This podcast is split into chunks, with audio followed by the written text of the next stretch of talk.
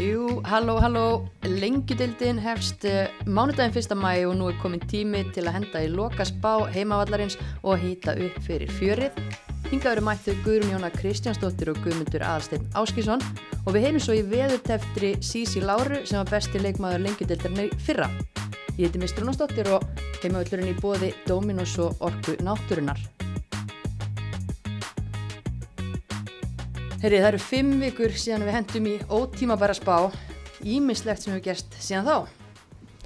Já, það, liðin eru svona búin að, og sérstaklega svona síðustu dögum, uh, búin að fá inn nokkara nýja leikmenn og svona úrslitin hafa svona aðeins verið öðruðsi heldur en maður hefur séð að sá svona fyrir uh, í byrjun.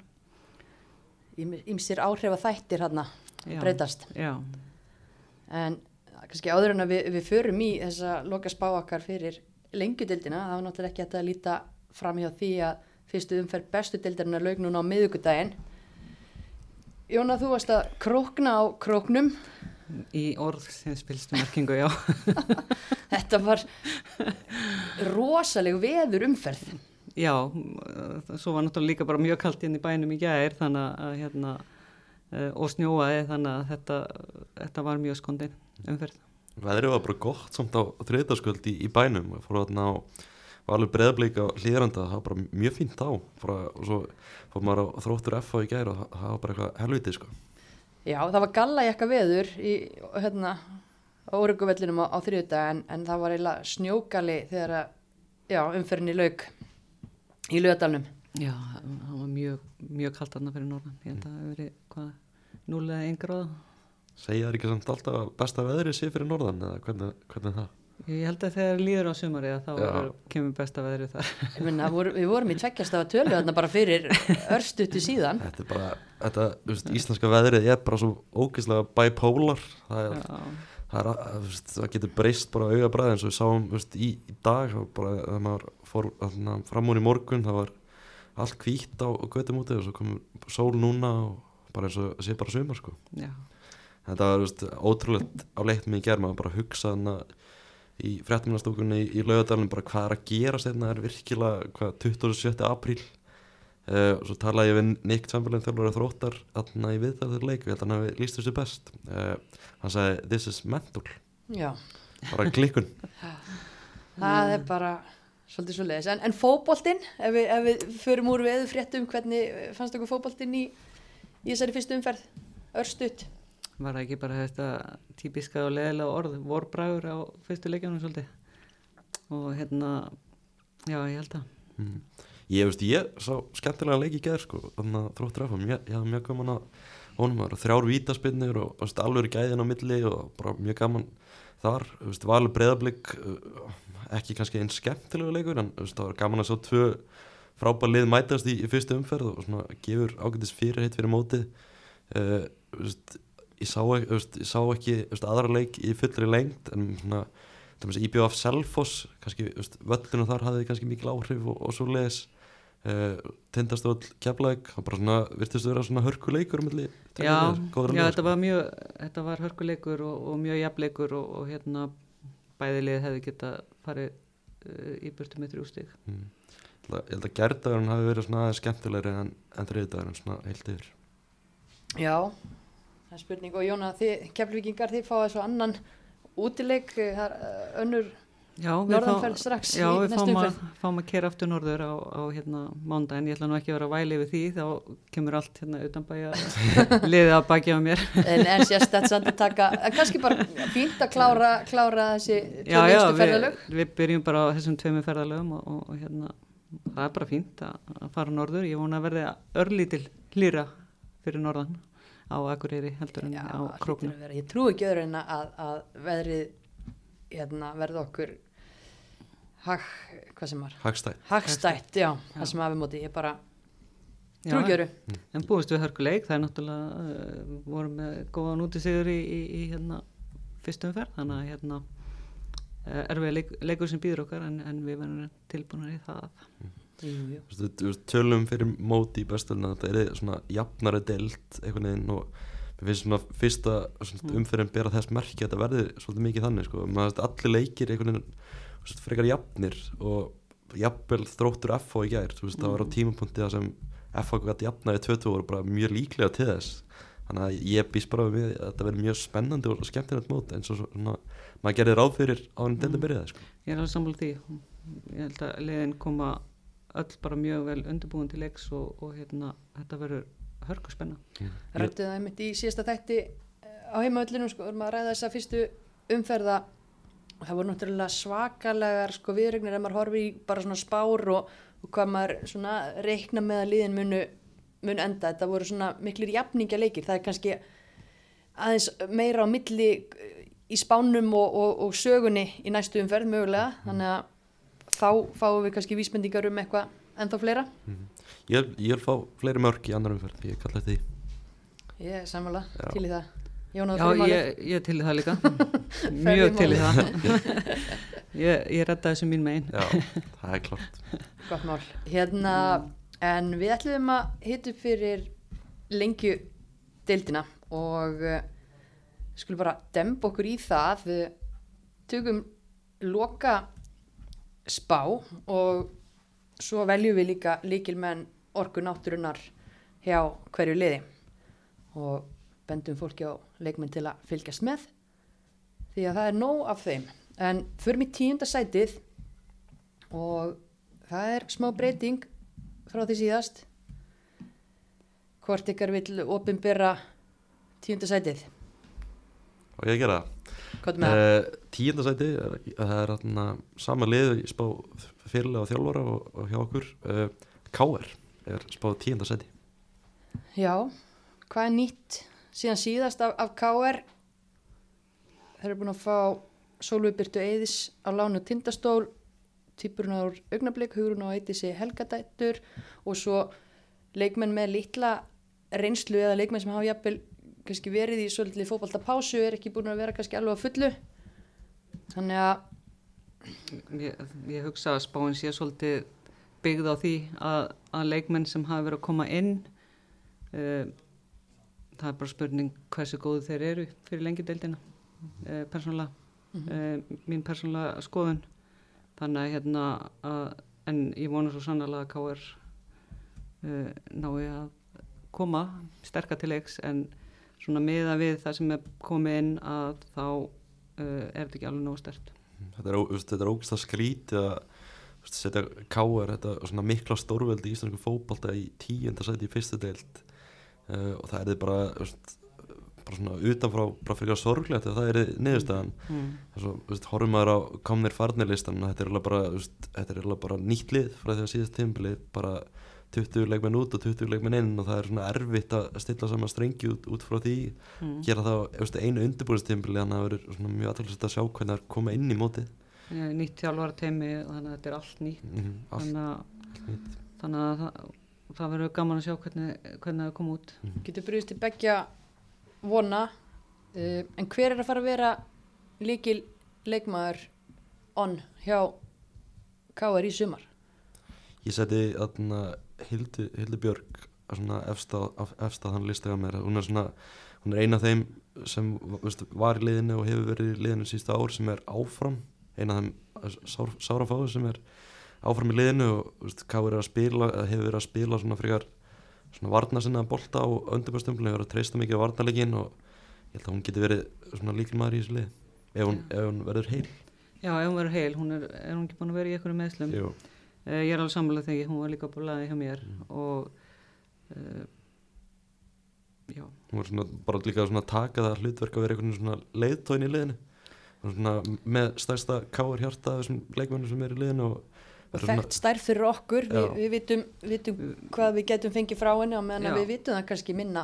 Með hina leikmennina Með og, og þú veist, með erlendu leikmennina þá um, á það eftir svolítið að koma í ljós Mhm. með þá.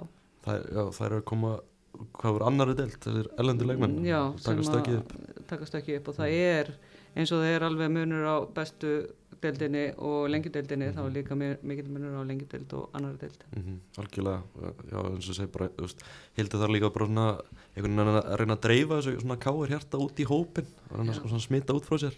Ég, ég treyst á það að hún, hún verði góð í sumar. Mm ég held það. Klárt, en hvaða leikmannu verður spennand að fylgjast með Ég, ég sett á minn lista Ragnarður Ríkastóttur sem kemur úr lánið frá, frá þrótti. Það er svona mjög efnilegu leikmaður sem er svona erfitt að fá svona sens í, í þróttarleina með ansi öflaga leikmenn hann fram á við þar og svona bara svona gott skref hjá henn að fara í í káer og fá svona ágætlega stórt hlutverk þar og mjög getur hún skorað, skorað eitthvað mörk í lengjadölinni í sumar með bandaríkja mann hann að við hliðin á sér og getur hjálpa mm. Já, hún er líka blæði hjá mér Þú er saman þetta. Já, að lifi þróttur í, í Vesturbænum. Ég með það að laga, laga heilanum eftir gerðum sko. Gott lag. Já, mjög gott lag. Mjög gott lag. Herri, þá veitum við það. En uh, nýjönda sætið, það erðu það var smá vikslun uh, Jóna, hverjar höfum við í nýjönda sætinu?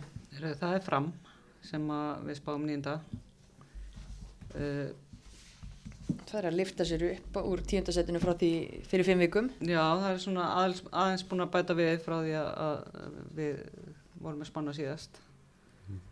og hérna þannig að hérna það lifta sér upp.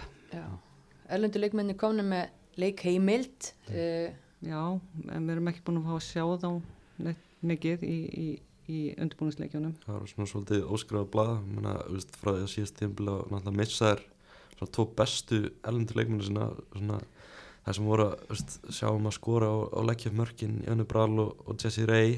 Það, það er ákveðið svona högg svona heldur maður allavega fyrirfram.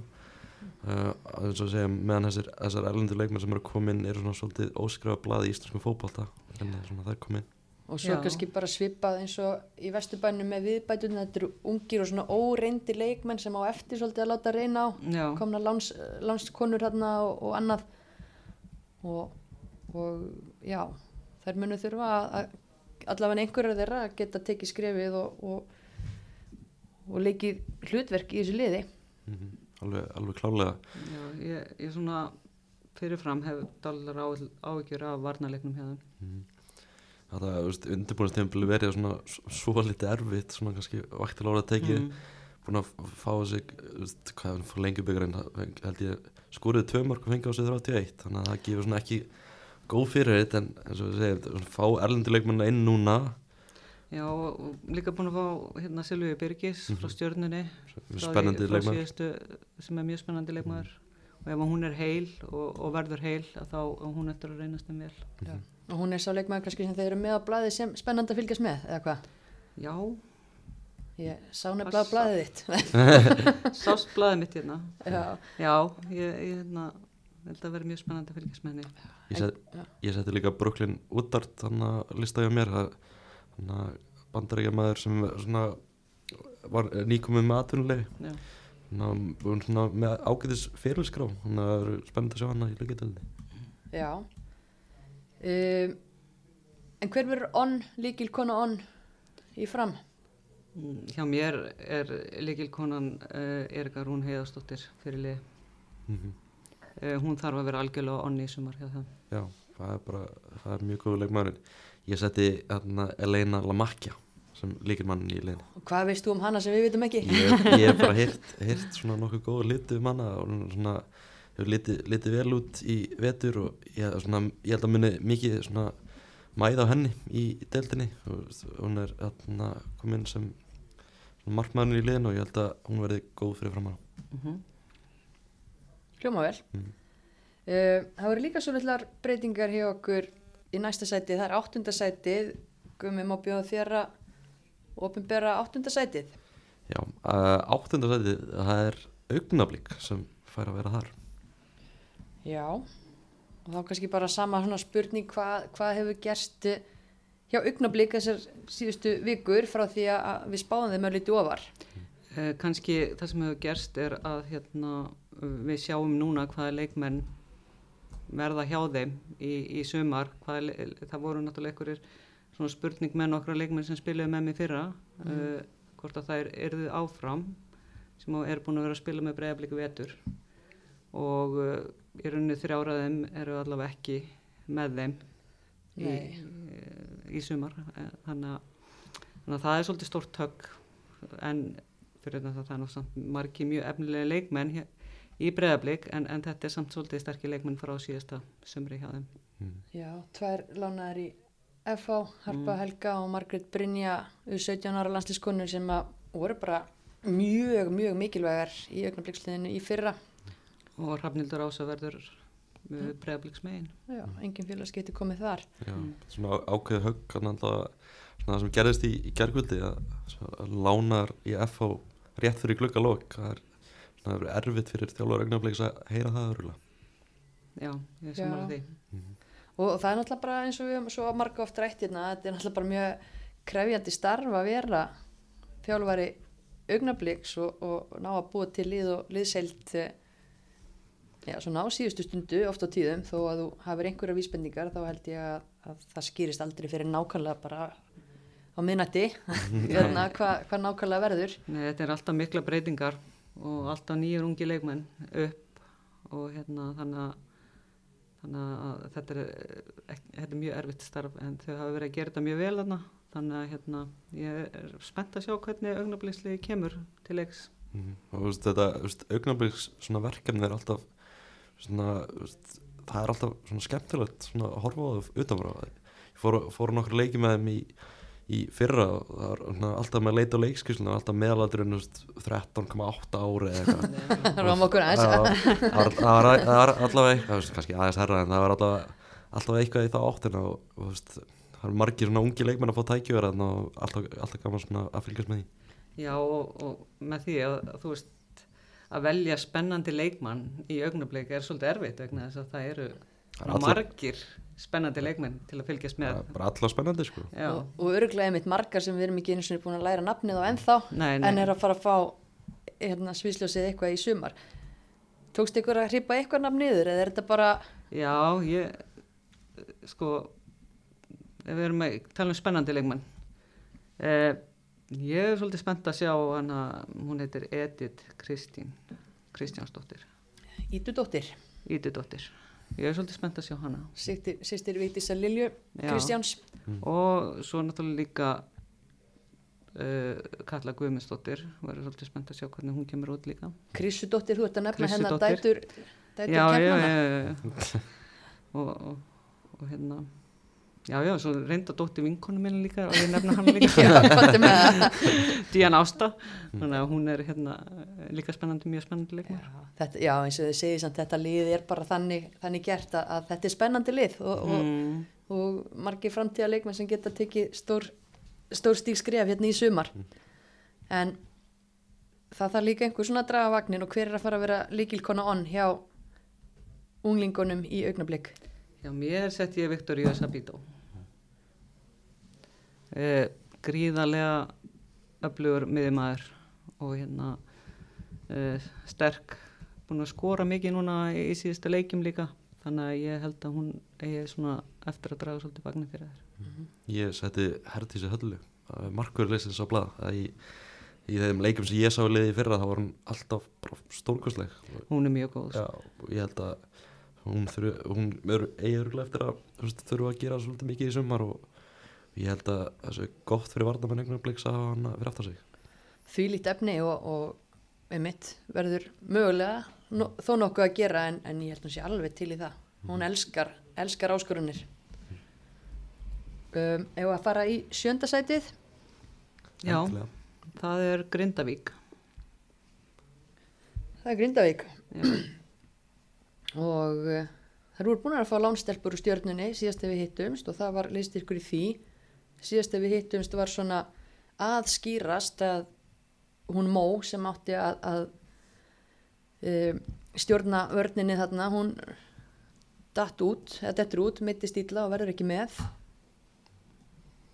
en uh, búin að fá Ísabel Jasmín Almas hún er búin að gera félagskipti Unnu Stefáns komin heim frá Þór Káa og Kolbert Tvíburarnir mm. hver eru það? Það eru, það eru stelpur frá, frá bandaríkinum, það eru báðar framherjar, þannig að ég held að þær munu svona, svona að draga, draga sóknarleikin svolítið fyrir þær og, og það eru báðar vist mjög spennandi leikmenn. Þannig að og ég held að þær verði örgulega góðar fyrir þær í, í sumar. Já, báðar að koma úr, háskólaboltanum í, í bandaríkinum en sko muniði hvað gerir síðast eða komið tvíburar til Grindavíkur? nei, ég man það ekki. Þeir eru ennski var? Ég Ríó og Steffi Hardy. Já, ég man það. Og það var enda ekki báða framherjar, framherjar Steffi og Varnamaður en, en Ríó var heldur betur frammeri sem að leta sig kræla. Já. og þetta grindavíku lið með Ríó fremst í flokki vann einn magnaðasta sigur þegar unnu stjörnuna útivelli Já, hérna. akkurat. Ég bara leikur sem að ég gleym ekki. Man, man einhvern veginn mjög mikið eftir þessu nafni þegar nafnir það sko. Ríó Hardís og Já. já, fórum til Kýpur og var ekki að spila með Jasmín og Kýpur getur verið sko. Það, er, veist, það eru fréttir að grinda eitthvað það eru ekki alveg búnar á, á markaðanum sko. Það er ekki verið að vinni í því na, er glukkinn lokaður í lengur til hvenna Já, það er allavega, það lítur að vera einhvern pappirum skilið eða eitthvað, það er allavega von á öðrum hafsend í hópin sem kem, kemur þá í staðin fyrir Mó sem sliti crossband mm. Já, svo er náttúrulega spurning sko Ísabel Jasmín sem að skiptir yfir úr Keflavík það er leikmaður sem getur alveg list hafsendin þó við þekkjum hana meirinn á miðjunni sko mm -hmm. en já, en þær hafa náttúrulega uh, mistu, já, Ester Júliu hún er fara til ykkar í, í Keflavík. já, en annars uh, og Mó er átt en þetta eru fínar viðbætur sem hafa bæst þarna við. Og ég var nú að lesa um eitt spána fótbolti.net og þá heyrðis mér nú bara að vera fólk í Grindavíkin vera bratt, þau voru ekki sátt við að vera spáð áttundasætinu og ætla sér að ætla sér herra, herra Já, já. Svona. Þannig að Anton Ingi sem tók við Lenus er að já, markmiðin sé ekki nála til að vera í áttunda sæti þannig að það er klálega að horfa ofar í töfluna. Og svo aðeinsvært að náttúrulega Sjante sem er aðstofþjálfur eðana, hún er búin að fá félagskipti þannig að spurning hvort hún takki eitthvað leiki í markin það kemur Já, bara null á óvart. Hún vildi náttúrulega, að hann kom í viðtaltið mínu fyrir nokkrum ykkur síðan, þá vildi hún ekkert staðfest að hans kanni verið komnir upp á hillu sko.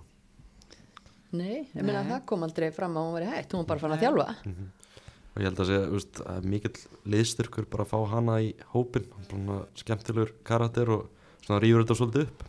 Já, hún er það og, og hérna uh, ef hún spila með þeim að þá er það rosalegur uh, liðstyrkur sko. Algjörlega, það held að segja bara frábær liðstyrkur innan sem auðvitað allar sko. já, hvaða leikmenn meirið þið spenntust að fylgjast með hjá Grindavík? Ég þarna setti uh, Ragnur Tinna Hjaltarinn fætt hvað 2008 var að skoða KSI fyrirlin hjá henni, hún er búin að raða inn mörkunum í yngri flokkunum. Mm. mm. alveg, það er bara alveg styrla að sjá þetta sko. Spila, svona, spilaði nokkra leiki fyrir, fyrir í lengidelinni og tekur hún til bara svona næstu skref í sumar.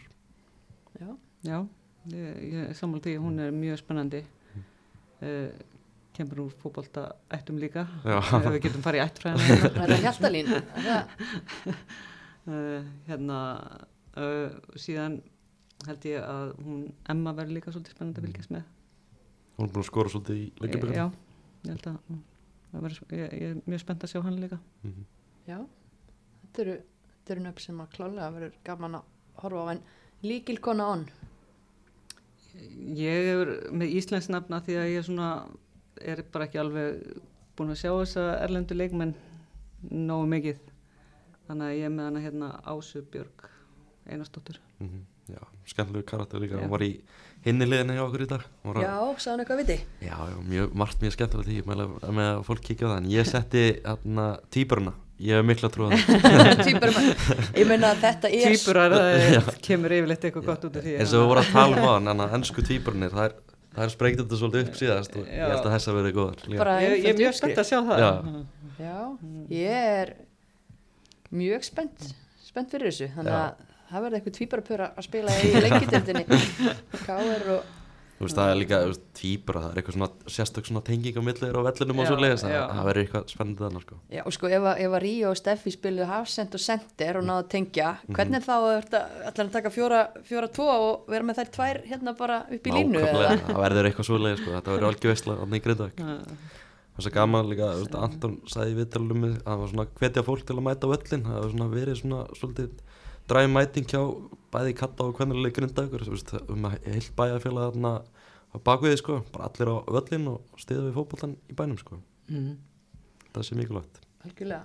Sjötta sætið, Já, sjötta seti, það er, þarna, á ég að seg, segja það, já, já, hvað er bara með það? það er gróta sem er í sjötta seti í spáni. Það er gróta.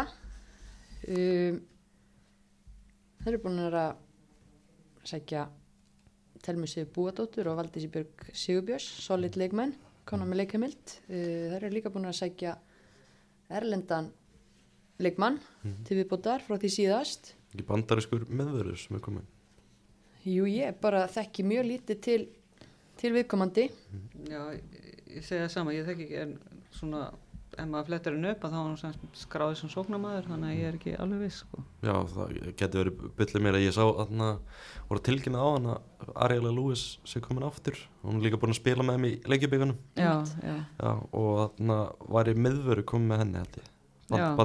Já, þá, þá var hún líklega er, Ka- kannski er þetta eins og Mattisson Wulbauer hjá Já. ykkur í kefla, ég getur bara að spila þetta allt. Já, og akkurat, það er möguleiki sko. Fjölefni því en, en hérna við erum að lifta grótu upp um sæti frá því síðast og þær eru nýlegar, eru við alveg galin eða? Mér finnst að, nei, þannig að ég var bara að ruggla hérna, Hanna Abram og stendur hún sér fjölhafið sóknamaður, þannig að ég er bara í, ég er bara í rugglinu hérna, þannig að ég held að þetta væri miðverður. uh, en þetta grótt, gróttuverkefni er, er mjög áhugavert og svona, sérstaklega áhugavert að, að segja, er að koma upp, lendi í öðru sæti í annar deldi í fyrra og er spá svona góðu gengi og svona gaman að, fólk hefur svona mikla trúaði sem er í, í gangi á seldarinn Já, það gengi vel á undirbúinstíðanbílinu og, og hérna, þær örðu þannig þriða sæti í bjöldildinni, lengjudildinni. mm. Það er hörku ár, árangur. Það er hörku árangur og, og hérna mm, þetta er svona held ég góð blanda af ungum og, og, og svo aðeins er verið að bæta smá reynslaðin Mm Já, algjörlega, þetta er bara svona er, er, mann líður alltaf eins og sé eitthvað spennandi í gangi Mm. á, á seldarinn sko, mann hefur lið, lið þannig bara síðustu svona 5-6 árin einhvern veginn, bæði, í- bæði kalla og, og kvennaboltanum sko.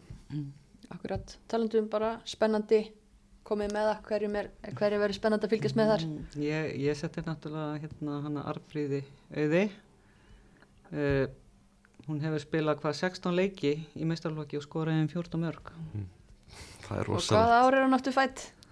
uh, 2008 Æmitt, það er rosalegt. Og hún misti náttúrulega mikið úr í fyrra vegna meðsla þessi leikir og þessi mörk geta alveg verið orðin fleiri. Já, ég hef með bara sama nafn á lista sko. Ég held að, veist, ef hún, eins og segja ef hún næri að halda sér heilri þá er hún örgulega að fara að springa út bara í lengjudelinni í sumar sko. Ég vona það, hún var veginn virtist vera tilbúin í það í fyrra en lendi þá í leiðinda meðslum þannig að vonandi helst hún heil og lefur okkur að njóta hæfileika sinna í sumar. En líkilkona on á nesinu? Á nesinu þar setti ég Ariela Lewis sem var bara frábær í annar delinni fyrra og spurning hvort þið getið tekið stökkið upp í lengjudelina með. Já, í Er það ekki bara, já, gott svona gott, uh, ekki kísk góð, góð tilnefning. Ég held að, Ég- ég held að það sé mjög góð tilnefning sko. Já, þau voru ána með hann í fyrra og hún gerði vel og, og, og það er líka bara styrkur í því að mörg þessi liðar er að fá uh, óskrifið blöð inn í deildina og það bara kemur ljós hvað hva kemur með þeim leikmunum en það er styrkur oft í að sækja þekktar stærðir. það, það er það. Þú færð kannski Það- ekki endilega eitthvað ekstra ekstra en þú færð, þú veist hvað þú færð. Já, þú veist hvað það færð. Uh, þó sérst búin að gera nánast alla undirbúningsvinnu og heldur þú sérst að fá ákveðin leikmann að það getur það alveg klikkað uh, þannig að og svo er það líka alltaf kostur að þessi búið að spila áður á Íslandi Já. Já, grótt að veit nákvæmlega hvað þið er að fá í henni og það er bara mm. svakalega mikill kostur sko. Já. Fymta sætið. Það er óbreytt hjá okkur. Já, það er FHL Fjaraðbyr höttu leiknir Og þar hafa nú aldeilis hérna verið reyfingar og leikmannamarkaðunum síðan síðast, þá eru nú að velta fyrir okkur hvað eru teknir margir ellendi leikmenn og svona? Og ein, tvær, þrjár, fjórar, fimm komnar. Uh, ein frá Kanada, tvær frá Bandaríkunum og tvær frá Spáni. Já, ein Iglesias, það er allt skemmtilegt. Iglesias. eftirnafn, gott að fá Iglesias í deildina. Um, auglustlega höfum við ekki séð þessa leikmenn spila með okkar eigin augum. Uh,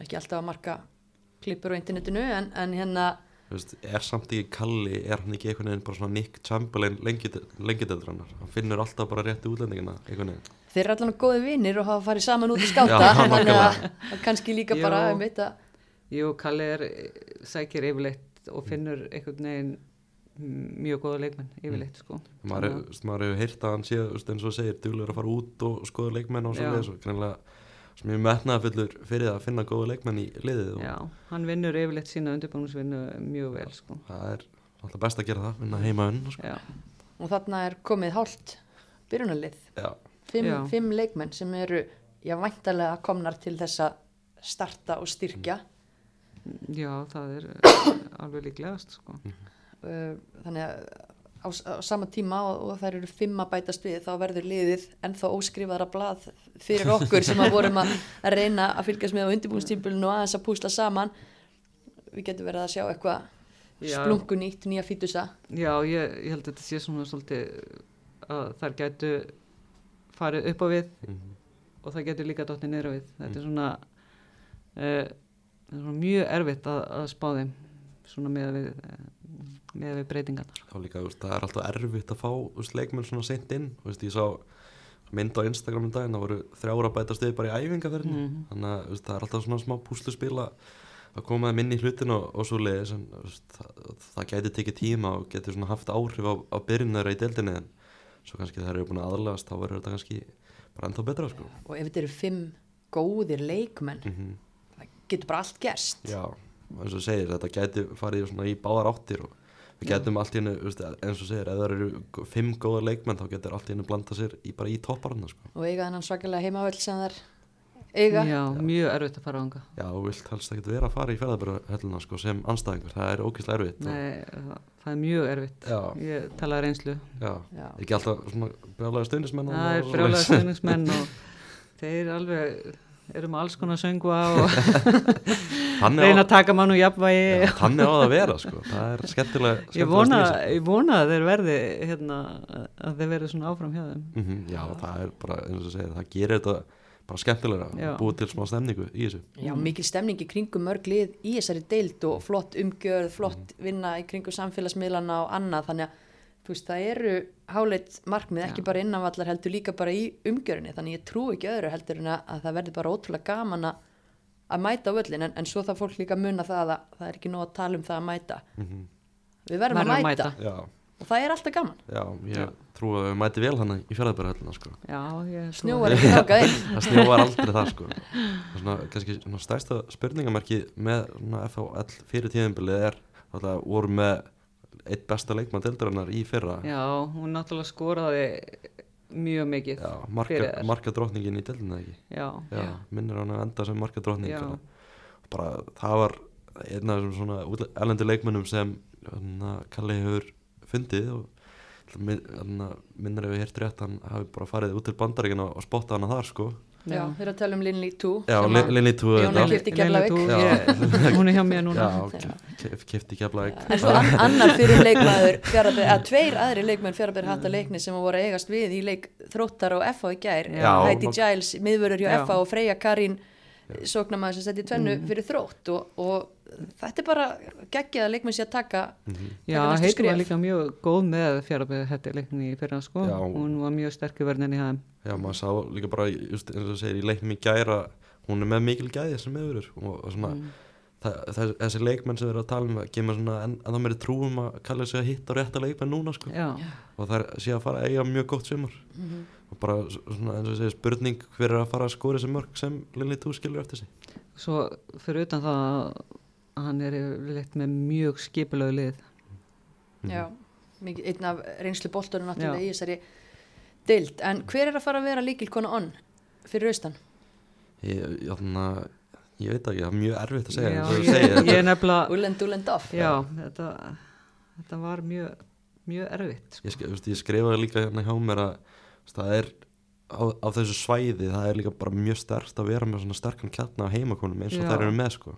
Já, það er, mm, fyrir, fyrirlegin geti verið svolítið hérna, stór póstur í því líka já, veist, það er ekkert sjálfsæður hlutur að vera með svona öfluga íslenska leikmenn líka Nei, nei, sko það, ég, svona líkilatrið fyrir FHL er að veist, erlendi leikmennir komi og bæti liði helling. Já, og þannig ég skrifaði bara líkilmenn, það eru erlendi leikmennir.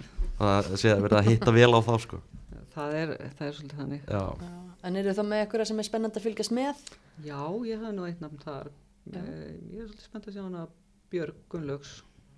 Já, litlu sýstur áslega myndu. Já, það er bara nákvæmlega nafnir sem ég skrifaði að blæða líka sko. Já, eldfljót, já, já, sókna sinnu. já. vekk dýrmænta reynslu í fyrra Mhm. og þannig að Þetta var bara enn, enn sterkar í ár. já, maður svona gerir ráð fyrir því og búin að vera í yngri landsliðum og svoleið sko, það er eitthvað mjög góð gen í þessari fjölskyldu sko. Já, það er það. Það er, það er vel að borða líka og svona. já, það er bara svoleið Hugsa vel um þær. Klárt, uh, fjórðasætið. Það er óbreytt hjá okkur frá því síðast. Já, það er, nei, það varst þú. Nei, Var- var það ég, ég, ég held að það sé komið að þér sko. Það er fylgir. Það er fylgir. Já, Þær eru búin að fá Þórildi Þórhalls frá afturheldingu síðan síðast. mjög stert að fá hana aftur spila þeim 2021 í, í bestöldinni sko. þannig að leikmaður sem er einslu úr efstu deild það er alltaf frábært að fá, fá þannig leikmann í, í lengjadeildina Mm Og við vitum það alveg bara, Gunnar Magnús, þjálfari eldri en tvævitur í þessum bransa, hann er, hann er búin að vera að vinna með þetta lið síðan í haust og uh, byggir hún á góðan grunn frá því í fyrra. Þannig að ég er- sé fyrir mér að við séum að fá mjög skipulagt fylgisliðan inn og, og við erum með fullt af einstaklingsgæðum í ofanálag, Mhm. ofan á það. Já, og fyrir mér rétt eins og við tölum um að fjárabihötu leikni geti pota sér og gert allavega þarna ofar þá gerir fylgisfólk það líka. Já, ekki spurning. þetta lið svona fekk svolítið bara svona dýrmænta reynslu í fyrra. Það það er svona svolítið mi- mikið af breytingum fyrir tímabili í fyrra og fengu góða reynslu og spurning hvort það bara kýl ekki almennilega á þetta núna og, og fara upp eða svona allavega gera góða allavega að því Já, ég menna það er markmið að því ég man að við rættum minna eftir ótímbarsbána og Rakel Loga var með okkur þá og hún alltaf var þjálfari leysins í fyrra og velta fyrir okkur hver eru fylgismarkmiðin. Ég þurfti nú ekkit annað heldur en að opna bara Instagram og lesa hashtaggi þar. Það er bara hérna besta 24 Já. þannig að, að markmiðin voru, voru hérna á veraldavefnum ég Þú veist, það er búið að leggja mikið í þetta og, og hérna, þannig að ég held að það stafni bara upp og það getur svo sannlega að blanda sér í baratuna þar, sko. klárlega með liði í það Mm, það, er, það er klálega þannig já, alltaf svona líkilatri að núna breyta þessum jafntöflum í, í sigra já, Úf, maður hvað jafntöflum voru mörg í, í þau fyrra voru ansið mörg. hvað var þetta sjö? Hvernig endaði þetta? Já, já, fleiri, nýju. Þau gerðu allavega rosalega mörg jafntöfli í röð þarna á einu tímabandi Þetta var orðið bara eins og eitthvað svona Mm. annarkvöld Groundhog Day eða bara mjög lélugur skrítin brandari Já, Já. ég, fór, ég held ég að fara á þrjáleiki í árbænum fyrra og ég held þeir hafa allir endað með jafntöfli sko. maður var alltaf að býða eftir eitthvað myndi breytast það gerist Já, aldrei það gerist aldrei sko. það er líkilatri, breyta þessum jafntöflum í, í sigra þá gera það góða hluti sko. klárt það Hver er að, já, hver, hverjum verður spennandi að fylgjast með í árbænum? Ég setti þarna Karlinu Jack og Guðrún Karitas Ég vona, að- ég, ég var að heyra að Karolin Jack hefði slitið aftur. Nei, En ég veit það ekki, uh, ég hef ekki staðfest. En Ég heyrði það líka. Já, Úff. Það, En, já. það, það, er ekki, það er ekki gott sko. það eru mjög leðilega fréttir. Já, Mhm. og það er bara gríðlega óöfni og svo er sko. Já, En Guðrún náttúrulega kom svona aðeins tilbaka í fyrra og gaman að sjá hvernig hún byggir á því það er náttúrulega hörku, hörku já. leikmaður með Já. mikið markanef og, og eina af þessum með boltagenin alveg bara Já, það verður spennandi að fylgjast með henni. mm Svo skráði ég líka Sörudök Ástóðsóttur á blað sem var í Ö19 landslinni sem komst á í EM en einn af tveimur leikmannu fylgis í, í þeim hópi já, Já, og ég var með Viktoríu Diljó líka. það er, næg að taka Það eru margir spennandi leikmenn Já, sko. já. en hver er það að vera að vera on? líkil leikmaður, ég var með Everud Ástórsdóttir. stóru sýstirinn að Söru Já. Ég held að hún þurfa að vera algjörlega on frá þeim í sumar. Ég til fyr- þess að- fyrirliðin þeirra. Já, Já. Ég setti var svona einhvern veginn bara eitt nafn sem kom í hugan á mér. Ég er svona óða markmann sinnaður einhvern veginn í þess að gæld tinna brá.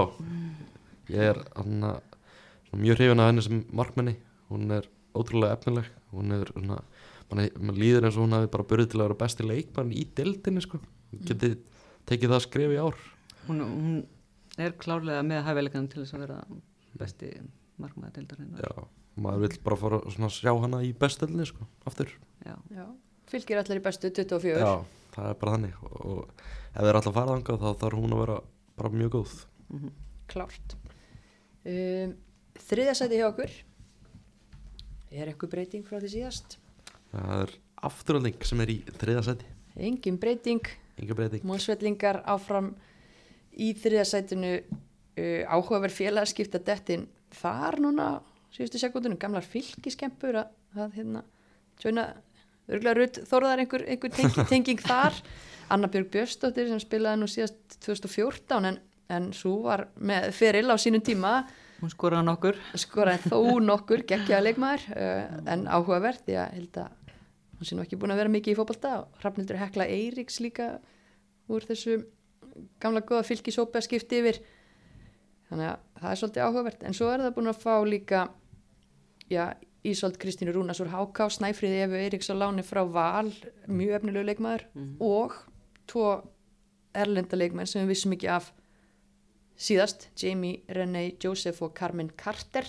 Já, og þetta eru ætla, ég breytir heilum helling. Mm já, maður svona fer strax einhvern svona pæla í síðasta tímbili sko leikmannaveltan, hún var bara ótrúleg hún var mjög mikil Já, og bara það sem maður svona hugsaðar fyrst fyrir þetta sem þau þurfa bara einhvern veginn svona að finna stöðulega vera Mm. meðsla svona fríar þetta, þetta var meðsla þetta var stóra meðsla sísoni í fyrra það var bara svona, það var eiginlega ótrúlega að fylgjast með því sko.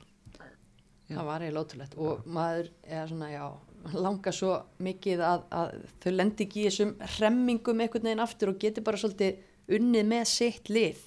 Já, það er óskandi fyrir þau. Mann veist, eiga, eiga það skilið svona eftir hérna, þetta sveiflu sísón í fyrra. Já, bara svo ég finna svona þennan stöðuleika einhvern veginn sem var ekki til staðar í fyrra sko. Já, Nei. það þurfa að finna það og stemningun aftur. Já, fá hana í gang. Það var rosalega erfitt tímabili fyrra og Já. Alessandra Aron talaði um að þetta væri efni eitthvað bara svona eitthvað sorglega Hollywoodmynd sko. En, en kemur gleðin ekki með góðum úslitum Jú, yfirleitt, jú. Og það er bara mikilvægt fyrir afturlíka liðið að, að byrja þetta mót mm vel og byggja svo bara á, á þessari fortfrægu stemningu sem að fletti liðinu upp um deild í hitti fyrra og alveg svo erum að tala um að, að fylgir og FHL geti gert allu þá erum við alls ekki að afskrifa afturöldingu þig og, og þau nei. vilja fara beinustulið aftur upp já, Já. það er ekki spurning að það eru klálega með leikmenn til þess að gera mjög góða hluti í þessari deild í, í sömarhættir sko. og af þeim leikmönnum hverjir eh, hverjum eru þið spenntust að fylgjast með? kannski bara einhvern veginn hauka hjarta mitt sem segir Hildur Karda sko. ég er, já Mjög ég, ég henni, held að ég er svona, hún er onleikmaðurinn hjá mér Já. sko. það er, já, ég held Er hauka hjarta þitt að slá fyrir valsfólki? ah, fyrir vals, nei, koma uh, hún var svo lengi í haugum sko. já, Já, hún er lengi orðin- haukum já. já, já, hún er hauka kona Hún allan að vil vera í rauðu Já, Það er það alveg á er, hreinu. það er 100% sko. Ég held að ég held að það er bara spennandi að sjá hvað hún geti skorað mikið af mörgum í sumar sko. já, ég samla því mm Þannig að hún er spennandi hjá þér og onn on hjá, þér. Svona spennandi hjá mér sett ég líka hana sem var að koma til þér hana Snæfríður Eva. Já, mjög öflegur leikmann og ég er spennt að sjá hvernig hún pluma sig. Já, hún er mjög flottur miðumæður, efnilegu miðumæður úr, úr sama árgangi og Katla og hérna, Sirju Theodora og þessar stelpur sem við maður séð. Já, aðeins, mis, já, mismikið en, en meira séð í efstu deild og annað en bara mjög flottur miðumæður yfirveguð, góðu fótur og tilbúin að takast á við lengdeildina Klálega En þá bara vikslast þetta. Hver er þá onn hjá þér, Gumi? Ég held að erlendur leikmenn sem eru að koma inn séu svona, svona, svona líkil svona púsli í þessu liði Þú sko. voru að veðja það með að við erlendur leikmennu sem kom inn Nei, ég veit, veit ekki, Ver, verður maður ekki, verður maður ekki að hafa meiri trú á þessu núna Ég veit ekki. Hafið, þið enga trú á þessu? eða? Jú, Ég- jú, ég ég myndi bara ekki setja þær sem kannski líkilkonur, ekki strax. ekki, En Nei, ég allavega þorði ekki að veðja á það svona fyrirfram Ég er kannski bara svona djarfur, ég veit það ekki sko. ég, ég held að þú myndir halda bara fram í markmennunum því ég held að markmaðurinn verði, verði Já, alveg onn. Eva Ír eh. Helgadóttir. Hún átti Hún- mjög, hún á- hún átti mjög gott tímabil í, í bestöldinni fyrra sko. Já, enn Já. betra í lengjutildin árið þegar, þegar, hún- þegar það fór upp síðast þá var hún alveg geggjöð mm Þannig að, að hérna, ég held að hún verði onn fyrir það, en, en ekki það að ég, ég er alveg til í, í ykkar tillögur líka, uh, ég veit að Hildur Karitas verður góð og ég vona afturhaldíka vegna að Jamie Renee og Carmen Carter, að þær verði það Já, Líka. Jamie er að koma frá hvað, sama skóla og Jade og hún hérna Taylor Bennett komið frá sem að reyndust þeim mjög vel þannig að vonandi gerur hún það líka Já, ég ætla alltaf, ég ætla svona bara að vona fyrir hönda afturhaldinga að þessi útlendingar muni koma með svona alvöru, alvöru eitthvað í þetta lið sko. Já, Algjörlega. En höldum þá áfram upp töfluna. Við höfum tölið eftir. Það eru sömu tölið og, og voru í toppsætunum síðast. En það er, það eru sviftingar í þessu. Breyting. Það er breyting. Þannig að við erum að háka í öru setinu núna. Hæ, Já, já, það er bara svo leis. það er bara svolítið. Af hverju? Þannig að kannski pff, stórt frá því síðast náttúrulega vikingur verður lengjubikameistari í bjöðdelinni. Það er taka þann titil og betur gegn svona í þeirri barati. Það er náttúrulega, það er kannski að gefa þeim líka bara svona bara smá innspenningu inn í móti. já og það hefur svona verið líka bara einhvern veginn góð stemning kringum kringum liðið hjá Viking og, og svona margt svona sem að já, gefur mann svona góð fyrirheit um það.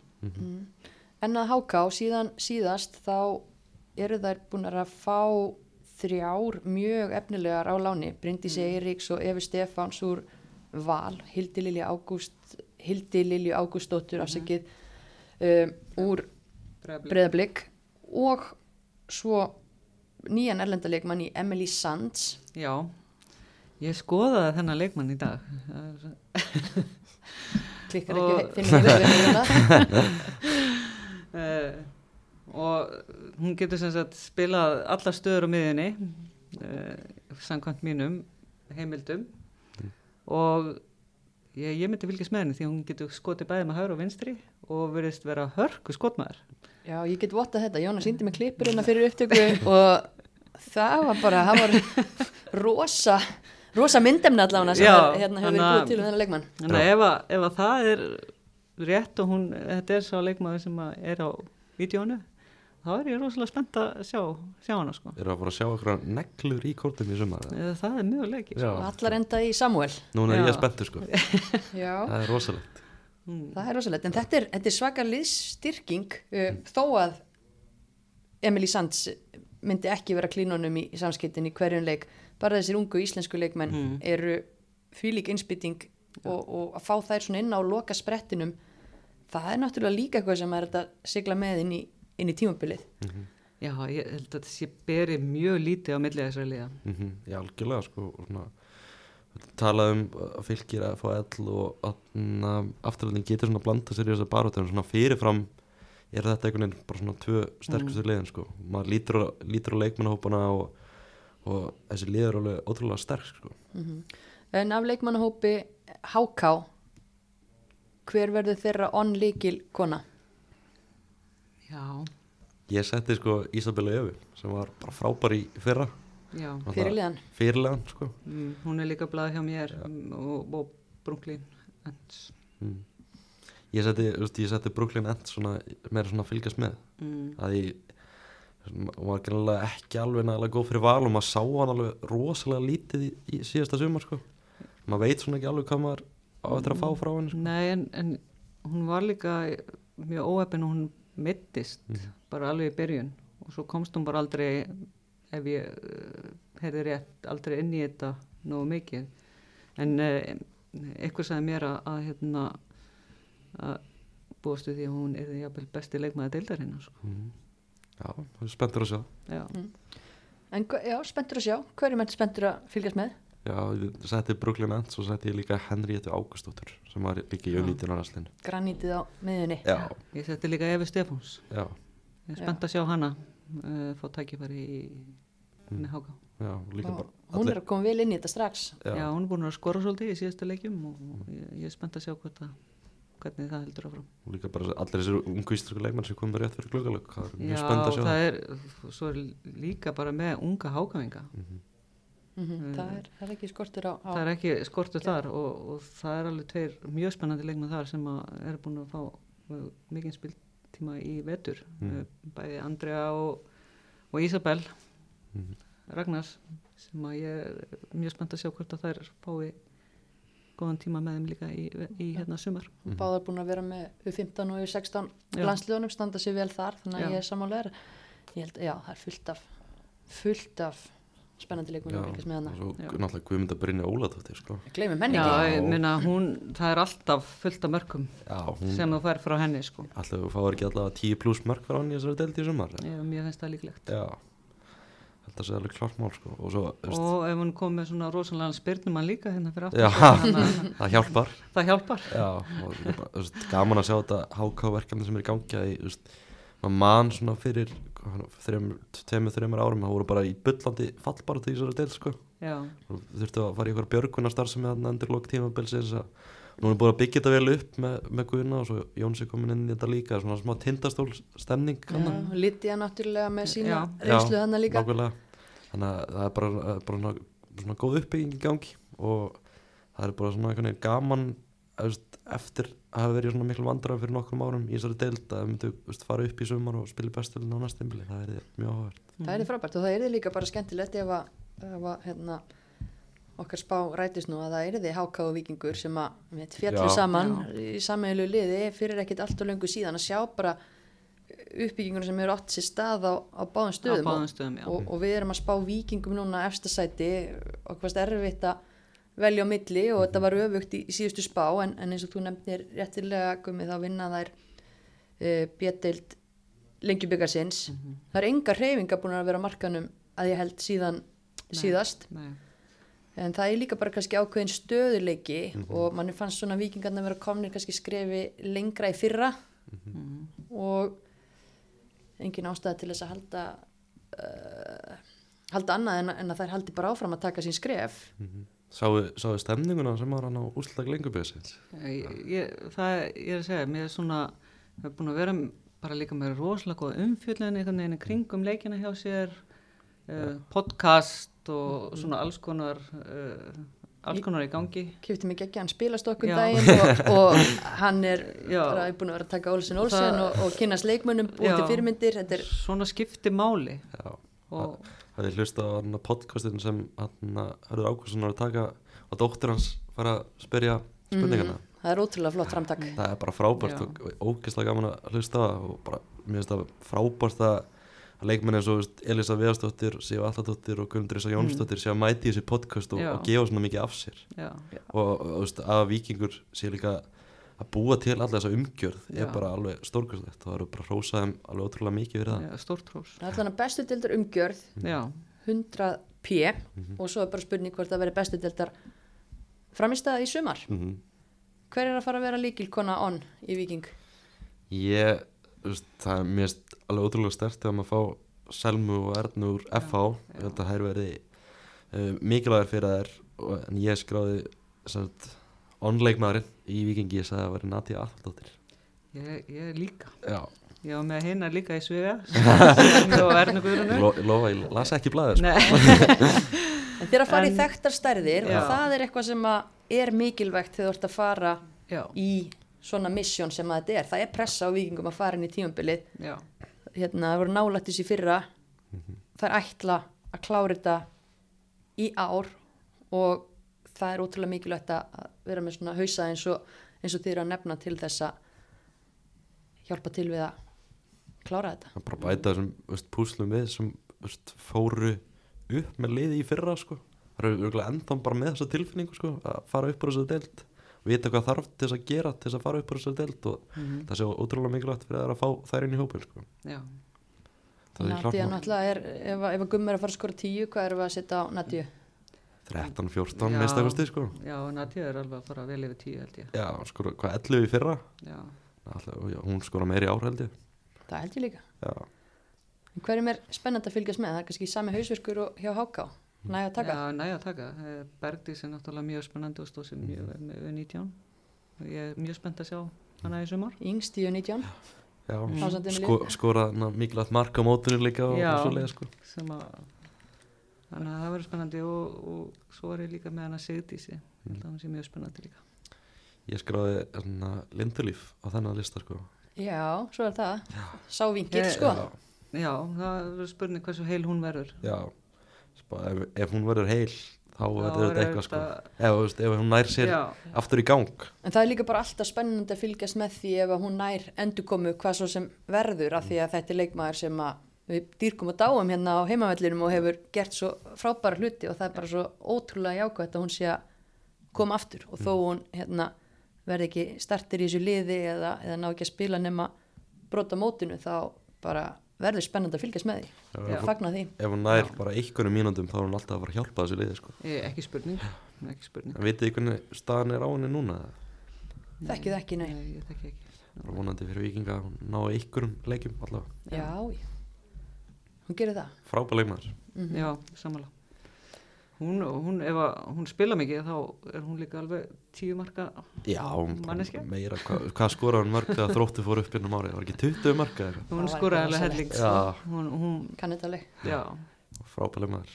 já, en ég setti inn á hérna, Instagram eins og við hefum oft gert fyrir þessu uppbytunar þætti og vangaveltur, svona nokkra flokka því mér finnst alltaf gaman að- að heyra ekki bara hvað sérfræðingarnir okkar hafa að segja hér í setti heldur líka bara stuðningsfólk og, og fólki út í bæ út um allt land.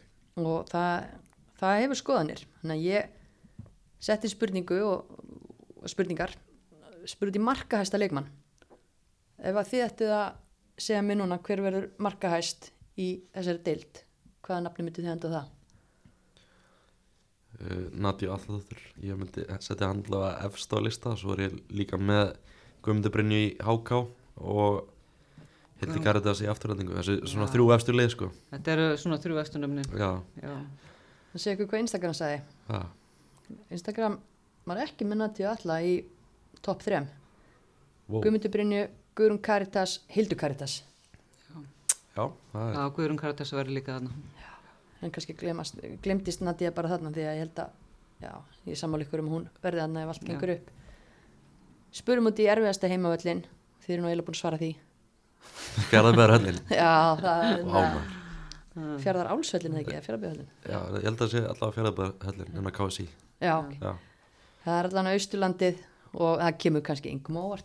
Nei. svo er alltaf líka bara erfitt að fara inn í kórin, það er líka mjög erfitt sko. það Mhm. er bergmálar alltar og þú veist það eru hvað áttalið í þessari del sem spila nú ekki inni og þeim þeir gera auðvitað óþægilegt að fara inn sko. Myndi halda það mér sem fréttarittara finnst óþægild að fara inn Já. ég get sagt það, ég veit að þú tengir við það gummi ég hef, mér, ég hef, mér hefði örgulega ekki fundist það óþægilegt í gær sko. ég hef örgulega bara tekið í fagnandi sko. fagnaði, já, er rétt en þetta er alveg rétt Já. ég, mér fannst það líka bæði bara síðustu ár Mhm. uh, mjög óþægilegt að fara í kórin Mhm. og ég fyrir að mjög óþægilegt að fara austur sko. mm ég held að það sé bara góð pundur sko. það er Já. ekki breyting þar á herðu, mest er naglin í dildinni hver, hver hverri myndu þið ekki vilja lenda í renniteklingu frá sko, ég var aðeins að skoða þetta á á hann hver, hver fengið svona flest gulspjöld í fyrra ég Já. sá, það voru nokkri sem fengur fimm og ég sagði til dæmis að Ísabella hann í HK fekk fimm gulspjöld þannig að ég ætla að segja ég myndi ekki vilja landa í tæklingu frá henni sko. Nei. hún er nagli já, það er, er bara, nagli, það er sko. bara svoleið sko. Já. Instagram kom líka með hennar Já. hún er náttúrulega eins og sé granít á miðunni Nadju, hún er líka nagli, já, grjóthörð hún er grjótöð líka og svo er einn alveg eh, já, glerhörð þarna í, í afturlíkuninu, Sýrum Gundís já, Mhm. skilur allt eftir mm. það er nóg af nóg af nöglum í þessari dild mm 100% sko. já. hvað nýliða svona almennt er fólk spenntast að sjá því að við nefndar báðar uh, Arfrýr Rauður og, og Eva Stefáns Mhm. Og við getum bara verið sammála því að það eru klárlega tvær af, af þeim sem verður einna með spennandi að fylgjast með. Mhm. algjörlega. Mm og gummi henni punktu til þína því að þú ert vonandi að fara að taka ykkur viðtöl á leikjum í sumar. Mm hvað, veistu hvað leikmann fólk vil að þú tali við? Sko ég aðna, aðna í fyrra aðna, fór ég að pæla hans í þessu og Sunnova Helgadóttir í fylki svona verðist vera mjög skemmtilega karakter Líka, svona, hún er spoilaði, hún er í hinnileginni hann á fótbolti.net og Já. bara svona lúka verið að vera mjög skemmtilega karakter. Þannig að ég ætla að skrá hana í þetta. Já. Ég, ég mæli með ef að þú tekur eh, eftir framleik það er önnur Sunneva þar sem er, heitir Sunneva Gísladóttir. Mæli, mæli vel með hún er alveg þræl skemmtilegt taktu ykkur Já. koma við hana. Það eru margir skemmtilega karakter í þessari deild sko. Heldur betur, Instagram kallar eftir viðtal við Bergdísi Sveins. Já, þannig að þú punktar það líka hjá þér Já, gerir það og hérna, Og líka bara þjálfarnir í þessu deild eru mjög skemmtilegir makki hverju sko já, bara allir, öll já allir. Já, ég býð þetta viðtölunum við alla. Já, það er, algjör veisla það er alltaf sko ekki, svo erum við líka að fá mm. Óskarsmára og Andulísu og Já, það var einhverju frasar frá Óskarismar og Já, hann. Það já. verður... Það er eiginlega að fá þau saman í viðtal sko Já, það verður að gera það. Það er að gera það sko Já, uh, annars var Instagram sammál okkur uh, varandi loka spána sko upp HK og Víkingur og niður fram og KR þannig að það er svona rauður þráður í, í þessu en svona í lokin hver verður best í dildinni Instagram sagði Eva Eir, Brooklyn Erts, Hildur Karitas, Berti Sveins. Hvað segir þið? Þú veist, ef við erum að spá vikingi efsta sæti þá held ég að verði Nati Aldóttir sem verður best Ég hef það á tilfengunni Já, ég... Ég held að Hildur Kardas verður best. Já, það er bara selt Já, já, hauka, hauka hérta Það það Já, ég held að hún, hún bara búin að vera heil síðustu tvö ár og ef að hún á gott tíambil þá á hún eftir að, að vera mjög góð fyrir í þessari deild. Já, hún er líka sínt áður Hún er alveg ógislega góð í þessari Já. En ég held að sé margi kandidatar í að vera best. Já. Og talandu það, ég held að ég ætli bara að fara að þakka ykkur fyrir komuna því ég þarf að taka símtal því það var nefnilega besti leikmaður deildarinnar í fyrra ætla að koma að vera hérna með okkur. En hún er viðtæft í blíðurinn í Vestmannegum og við þurfum að heyra hvað Sísi Lára hefur að segja um, um þessa deild. Hún var náttúrulega valin best eftir móti í fyrra og eh, eins og hún leggja skona á hilluna síðan þá Það, það verður spennandi að heyra hvað hún segir. Já, mjög spennandi Það er spyrjun að einhverju sérstöku Bara hvernig er að vera veðu töft 27. apríl Það er rosalegt sko Ég ót- ekki að nutta það, því það er ótrúlegt Það er ótrúlegt Spurðum að hvort skotni sé að fara að koma Já, já, hvort það verður comeback. Hvort það já, Comeback í eigum já, Já, ég, ég skal spyrja hennar já. En eitthvað frá ykkur að lókum?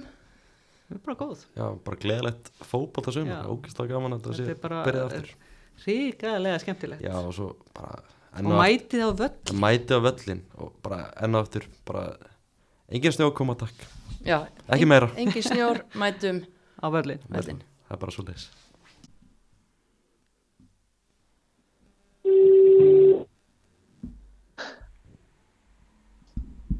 Halló, Hæ, hæ, Sísi já, Blessuð. Hæ, Heim, Heimavöllurinn hér já, Hvað segir þú veður teft í eigum? já, heldur betur. Það er bara snjóaði Já, í lok apríl, hvað hva er að gerast? og dildin að byrjuð og svona er þetta. Snjóaði, snjóaði vel á þína gömlu félaga í gerkvöldi Heldur betur, það var ótrúld að sjá þetta. Það er bara, já, hérna, heldur, kynkti niður snjó og Já, hvað, já, sá, sástu leikin hjá þeim? já, ég horfði á hann í sjónspinu. Í, já, í besta sætinu, Já, undir teppi. akkurat, bara kósi. Nei, nei, þær voru bara, mér fannst það standi sem mjög vel, sko. Já, Móti þetta góði liði þróttara, sko. var opinn og skemmtilegu leikur. Já, mjög svo, að báða búa og þú veist, F og stelpan hefði getað jafnað þetta hana í 2-2 Algjörlega. og þetta er bara, þú veist, vonandi er þetta það sem koma skal hjá. Einmitt. En hvernig líður þér? Þú ferði upp með F-liðinu í fyrra, ert valinn besti leikmaður lengjudildarinnar, en svo kemur tilkynning um að skortnir séu farnir upp á hillu og nú er dildin að byrja, veist, hvernig, hvernig líður þér? Þetta er ótrúlega skrítið, ég við ekki henni það. Það er mjög erfitt alveg að horfa á leiki hjá stelpunum. Það er, já, það er mjög erfitt, sko. Og ég var alveg, hvað sér Er eitthvað fyrringur? Já, það kom smá í gær. Já, ég get alveg ekki það. Já, Mamma kýtlaði smá, sko. Jón á Gummi báða minni bleið að spurja þig hvort að það væri einhver sjens að, að, að fyrringur myndi íta að stað aftur. Já, það kom alveg fyrringur, en einhvern veginn samt er ég alveg fast á því að þeir eru bara komnir á hilluna, sko, skornir. Já, það lítur að vera erfitt að taka þá ákvörðun. Já, það var ógislega erfitt og einhvern veginn var þetta smá svona eh, löng, að, að langur aðdraðandi að Já. þessari ákvörðun en það var alveg í kollinum en einhvern veginn erfitt fyrir mig að viðurkenna, eða veist já, að segja sjálfur mér já, já ég þarf kannski bara að hætta. En svo bara fór ég og spjallaði við lækni minn og þá sagði hann mér bara já, að honum finnist skynsanlegast að, hætta, að ég myndi hætta. Hlusta á líkamann. Já, það var eiginlega það. Já, og Þetta- fyrir kannski þau sem viti ekki þá greindustu með liðagikt eða ekki hvað Já. fyrir sex árum eða svo. Já, þetta var 2017, já. Og þannig að kannski maður er búinn að vera að þessnast á þessu alveg, já, í sex ár. Þetta er alveg komin þetta er alveg langur tími. Já, ég bjóst ekki við því að geta eða þegar ég greindist þá held ég myndi ekki spila fótbolta sko. En þetta er búið að vera já, rúss í banni og þú ert búin að gera heilan helling síðan að, að þú greinist. Já, mér, finnst það ég hef alveg náð að gera helling sko sem var ótrúlega og gengur, þú sátt frá, frá borði þó að, að þú veist ákvörðinu sé kannski ekki alveg þú veist þín frá hjartanu heldur meira þín frá út frá skinsemis sjónarhóttnum Já, já, þegar ég lít tilbaka þá finnst mér ég bara vera sátt, sko. Einhvern veginn, já, ég get ekkert, ég er alls ekkert eitthvað, ég, já, ég er bara sátt. Þú getur verið er stolt af, af því sem að þú hefur afregað sem er náttúrulega heil, hellingur 167 leikir í efstu deild og, og leikir í lengjudildinni líka þar sem að þú er skarað algjörlega fram úr og 20 landsleikir prófa, prófað atvinnumennsku. Já, þetta er bara eitt með öllu þessi ferill. Já, ég allan að, hef, já, ég er bara sátt, sko, þegar ég lít svona yfir hann, yfir fyrirlinn. Það er eitthvað, bara mjög já, ertu eitthvað, þú veist, að fótboltast núna eitthvað að þjálfa eða? Sko, það er stefnan að fara bara í þjálfun, mér langar það, ég hef rosa mikið áhuga á því, alveg mjög mikið, þannig að vonandi að Íbjaf er allan að líka búin að hafa samband við mig, þjálfun. já, og ertu, býrðu í Vestmannum núna? Já, ég er flutt til Eyja, ég er umsjónakennari í Stimtabekk í Vestmannum, þannig að það er eiginlega svona nóg að gera líka. Það lítur að vera fjör í fymta bekk. Já, heldur betur. Það, ég meina, einn ein vinnudagur kennara, er það ekki bara sama orka sem fer í það eins og, eins og þrjár landsleisanga líka við? ég myndi segja það. Það er líf og fjör í stofunni, sko. En gott að Aldrei vera, stund. já, gott að vera komin heim til eiga. Já, ég er rosa heimakær, þannig að það er mjög gott að vera komin heim. Og ætlar þá að, meina, hvernig er þá með eins og, eins og bestildina bæðið IBVF og, og FH þar? Hvar, með hverjum heldur? Úff, ég ég stið bæðili, það er bara þannig. Ég held með þeim báðum og að þeim gangi vel Já, og fylgist alveg vel með þeim. Þannig að, mætur á, á Hásteinsvöll? já, ég ætla að reyna núna að mæta á leiki. Það verður líf og fjör. Já, svo getur þú hort á, á, á hitt allt í, í sjónvarpinu þegar leikinir eru á meginlandinu. algjör snild að allir leikir eru síndir. Algjörlega. frábært.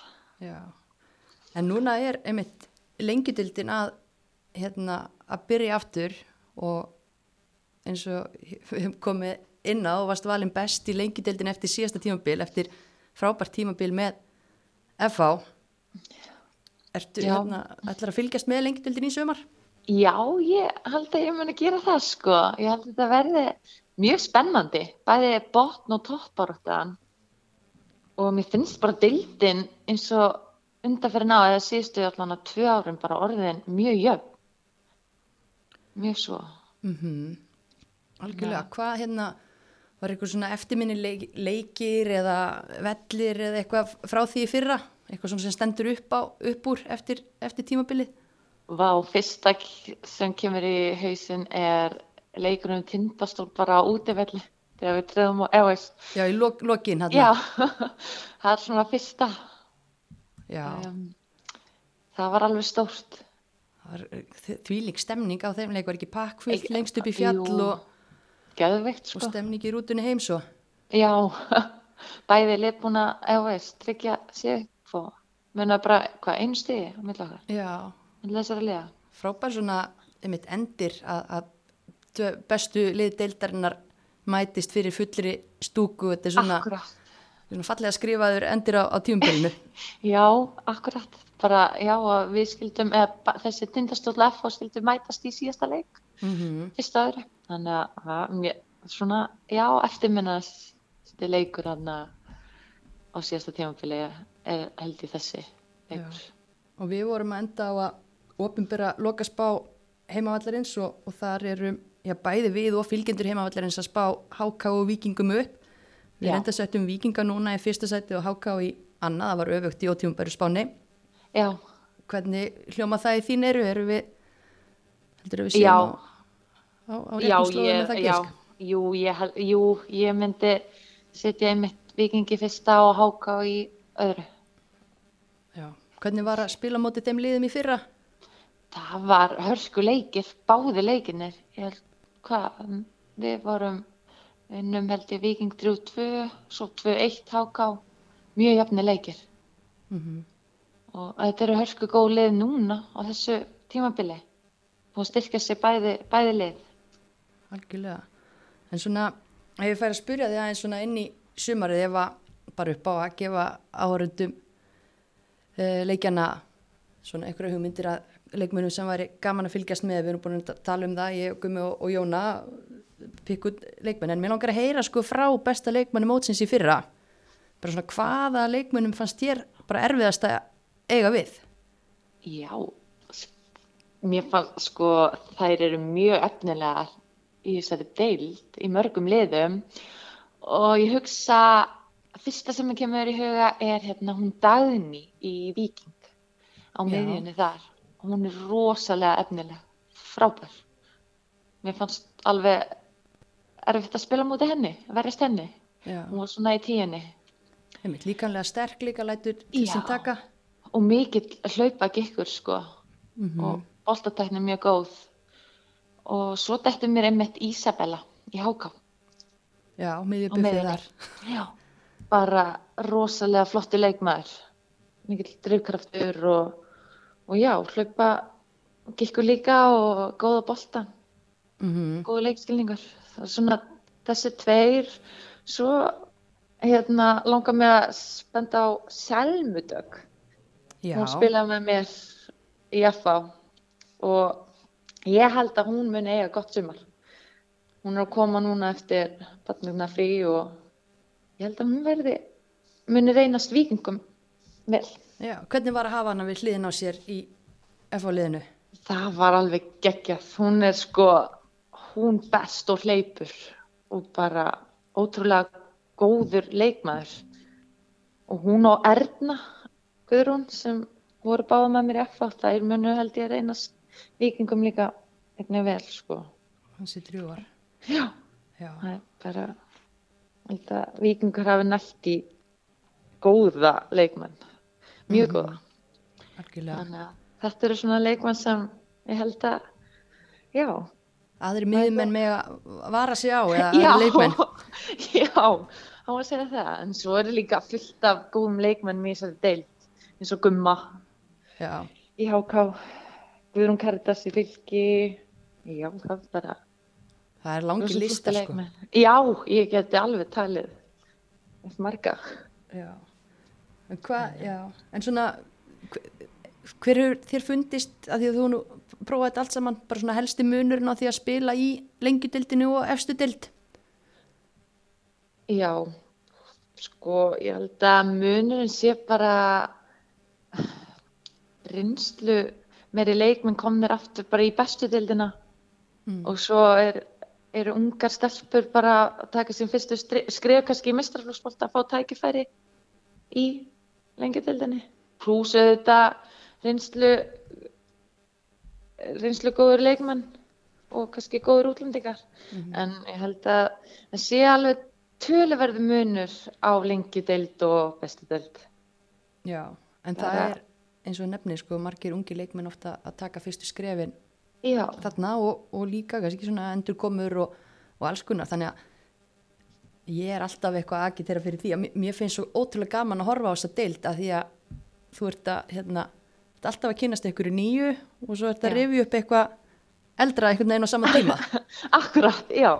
Það er einmitt, endurkomur einmitt leikmanna sem er bara frábært. Og þetta er alveg, veist, mér finnst eins og fyrsta til sé alltaf að vera sterkari og sterkari. þetta var ekkit auðvelt í fyrra Nei, alls ekki. Og það eru bara, mér finnst leikmennorðinir einhvern veginn betri fótboltamenn og stelpur bara orðna góðar.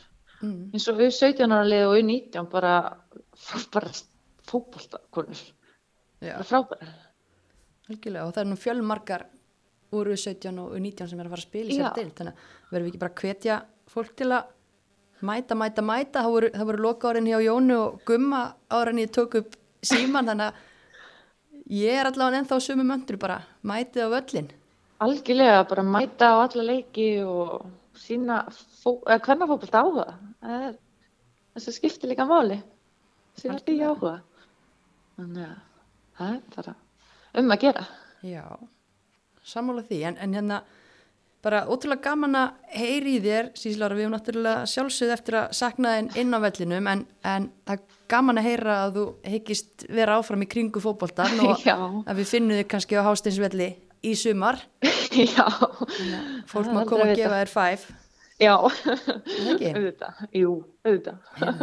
Æðislegt, bara takk fyrir spjallið og, og takk gangið vel. já, sumleis, bye bye Bless. Já, gaman að heyra í Sísi Láru. Við höfum vissulega eftir að sakna hennar, inn á vallar en, en gott að vita að henni áfram í kringum fótboltan. Ég þakka ykkur annars fyrir að hlusta og sjáumst á vellinum.